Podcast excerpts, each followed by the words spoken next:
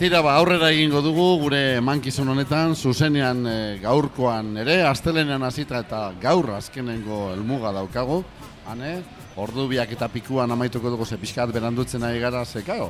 Egon midatuek eserrezan handia daukate eta oso interesgarria da esaten dutena, eta gu ez gara inor, ez gara nor, ez gara inor, inori hitza mosteko eta soka luzatu behar dugu, eta Sabinek hori egin du eta oso gogo eta politak. Politak, bai, duda barik. Dantzaren inguruan, musikaren inguruan eta incluso plazen inguruan. ere.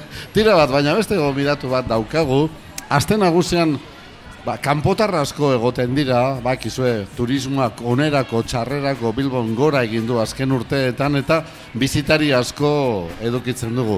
Nik esango nuke, zoritxarrez, haietako gehienak, ba, alako operator, tour operator handien eskutek datozen horiek, jakin gabe joaten dira haietako gehienak, hemen euskura, eh, hizkuntza bat, kultura berezi bat eta goela. Zorionez, badaukagu bizitari bat, Eskozia aldetik, Ingalaterra aldetik eh, datorkiguna eta gure berri izan ez ezik, gure hizkuntza ere ederki ikasi duena. Dilan dugu bera, eguerdion Dilan. Eguerdion. Bizitari berezia zara Euskaldun ontzat. Bueno, ez dakit, e, igual bai, ez dakit, igual hizkuntzari dagokion ez bai. Bueno, konta iguzu, benetan bitxia, e, arraroa delako, ez da? E, zenbat urte dituzu Dilan? E, nik hogeita, hogeita, hogeita bat urte okoaz. Hogeita? Bat.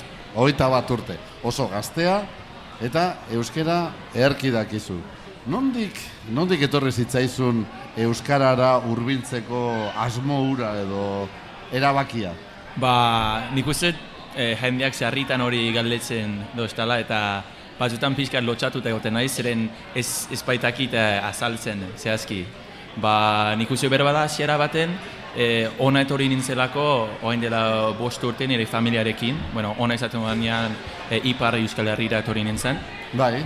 Eta, eta beretzakit, e, izkuntza bitxi bat zegoela esan zidaten, eta eta hori buruan, gero, bueno, gero oporraldi hortan pixka eta zehatu nintzen euskarazko hitz batzuk erabiltzen, e, eta harrera bero-bero jaso nuen, eta hori buruan gero, urte batzuen buruan, e, beste hizkuntza bat ikastekotan nengun, e, zehazke dela bi urte, bi, e, eta amazazpian, eta, eta hori, ba, ohartu nintzen hemen Euskal Herrian, e, ba, zeudela barnetegiak ikasteko, interneten eri ba, zeudela hainbat e, balio bide, atzeritik ikasteko, beraz, e, posiblia zela ohartu nintzen eta hola hasi nintzen.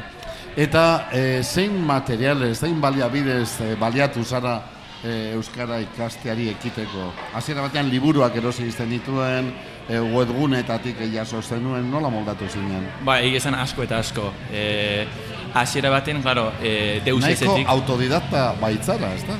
Bueno, bai, e, orokorrian bai esango nuke, e, hasieran Inglaterran hasi nintzen, beraz e, internet e, bera balio bide ezinbestikoa zen. Zeren niri inguruan, ba, niri baserri baten bizi naiz, bez, e, ez da ez, ojo zuen gutxi dago eta ez dago izkaldunek. Orduan, e, izan eri, irret, irrati kate e, bateko ikastaro bati, batez baliatu nintzen, e, iparleko raio kultura irratikatea. E, bai. Hau gure entzulek ez, ez, bai, bai, bai, bai. E, Bilbo iri... Haien zaioak. Hori da. Ba hori da, eta ez dakit, e, behaz, hasi nintzen frantsesetik euskarara ikasten pixkat, lapurtera izan zen, e, eta gero, e, ikustu lagun bat e, egin nuela interneten, euskalduna, bastandarra, eta berak azaldu zidan, zelan barnetegiak e, anemenka zeudela euskal herrian, eta azkenian zornotzako barnetegira jutea erabaki nuen. E, gero bertan pasatu nituen biz bairu hilabete, eta arrez gero batez ere atzearritik bizi izan naizenez, ba, jakin izan behar, jakin behar izan dut moldatzen, e, berria irakurriz, e, irati entzunez eta eta beste ba, Skypeen bidez edibidez e, solastuz. Eta e, zure asmoa ikusten dudanez edo iradokitzen e, diguzunez, hizkuntzak ikastea da, ezta? Eta haien tartean e, euskara bereziki, baina zenbat hizkuntza egiten duzu? E, nik gaur egun sei egiten, egiten ditut. E, bueno, euskara behar da ondoen egiten dudana da hoain, uh, naiz eta frantxez eta gazalania tarte luzeago batean uh, ekasi ditut, uh, ditudan, uh, gero uh, txinera ere egiten dut eta eta katalan ekasten nabil. Txinera egiten duzu. Bai, Izan altzara inoiz, txinara, txinan. Bai, bai, bai, Bai. egon nintzen hiru hilabete, bueno, bar- bertara joan baino lehen, e, maila on bat lortu nahi nuen, gero bertan, e, behar ba, eskola baten egon barik, e, kaleetatik ibiltzeko eta jendearekin solastu bala izateko. Mhm. Ingalaterra eta Eskozia bitarteko herri batean, herri batekoa ez da, ez da? Gaina esan duzu, baserritarra ez da dela. Bueno, kontua da bai, izan ere, betidanik bizi nahi, izan naizela Inglaterrako ego mande, baleko txoko batean, baina orain, e, eta aite eskoziarra izan da, orain unibertsitatean nago Inglaterran, baina ja, orain goan, e, bai, iparaldeko tarte hortan justu mugan. Unibertsitatean zaude, ze ikasten? Hoi da, e, antropologia. Antropologia. Aha. Dilan, hau, barkatu, bai, sabe? Ez, e, galdetu nahi nizun, hemendik gazte-gaztea baitzara oraindik, hemendik eta amar bat urtera, non ikusten duzun zeure burua? Neuri burua. Hai, alako hizkuntzak ez da, hain e, elkarren urrunekoak, Txina, Euskal Herria eta non ikusten duzu zeure burua? Bueno, urrunekoak bai, baina mm, bestetik Bilbo bezalako hiri baten, ba, hoietako hizkuntza guztiak aurki daitezke. Eh, beraz, bai, egizan pentsatu izan dut inoiz eh, hemen bizitzea edertu lehokela, bueno, hizkuntza ale, ale horretatik bakarrik balitz ere. Eh, bai, beraz, bai, bueno, Euskal Herrian bai, pasariteke eta nixur nago ba, urteren baten edo tarteren baten egongo naizela hemen bizitzan. Mhm. Dilan, eta zelan bizitzen ari zara azten nagusia? Ua, bikain, bikain, Bikain, bai, bai, bai, bai.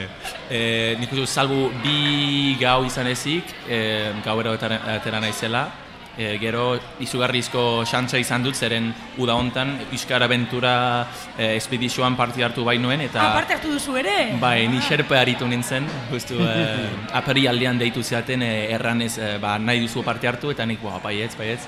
Beraz, orain azken azken eguzian, sorti izan dut zeren Euskara Aventuran egun da berrogeita hamar gazte eta heldu egon bai ziren, eta eta horietako asko ona etortzen dira, eta haiekin egoteko aukera izan dut. Bueno, ba, Egia esan harrituta geratu gara zure historiarekin. eh, Eskerrik asko. Bai, bai. Eta bere euskera maila Bueno, duda barik. ezin eh, ederragoarekin. Zorionak dilan, ongi etorria zara gure herri honetara, zu badakizu hori, Euskal Herrira, eta ongi etorria Bilbora eta aste nagusira ere. Eta orain, ba, okela apur bat. Bokadutxu bat jango dugu. Eh? Ederto, ba, mil esker, mil esker. esker zuri.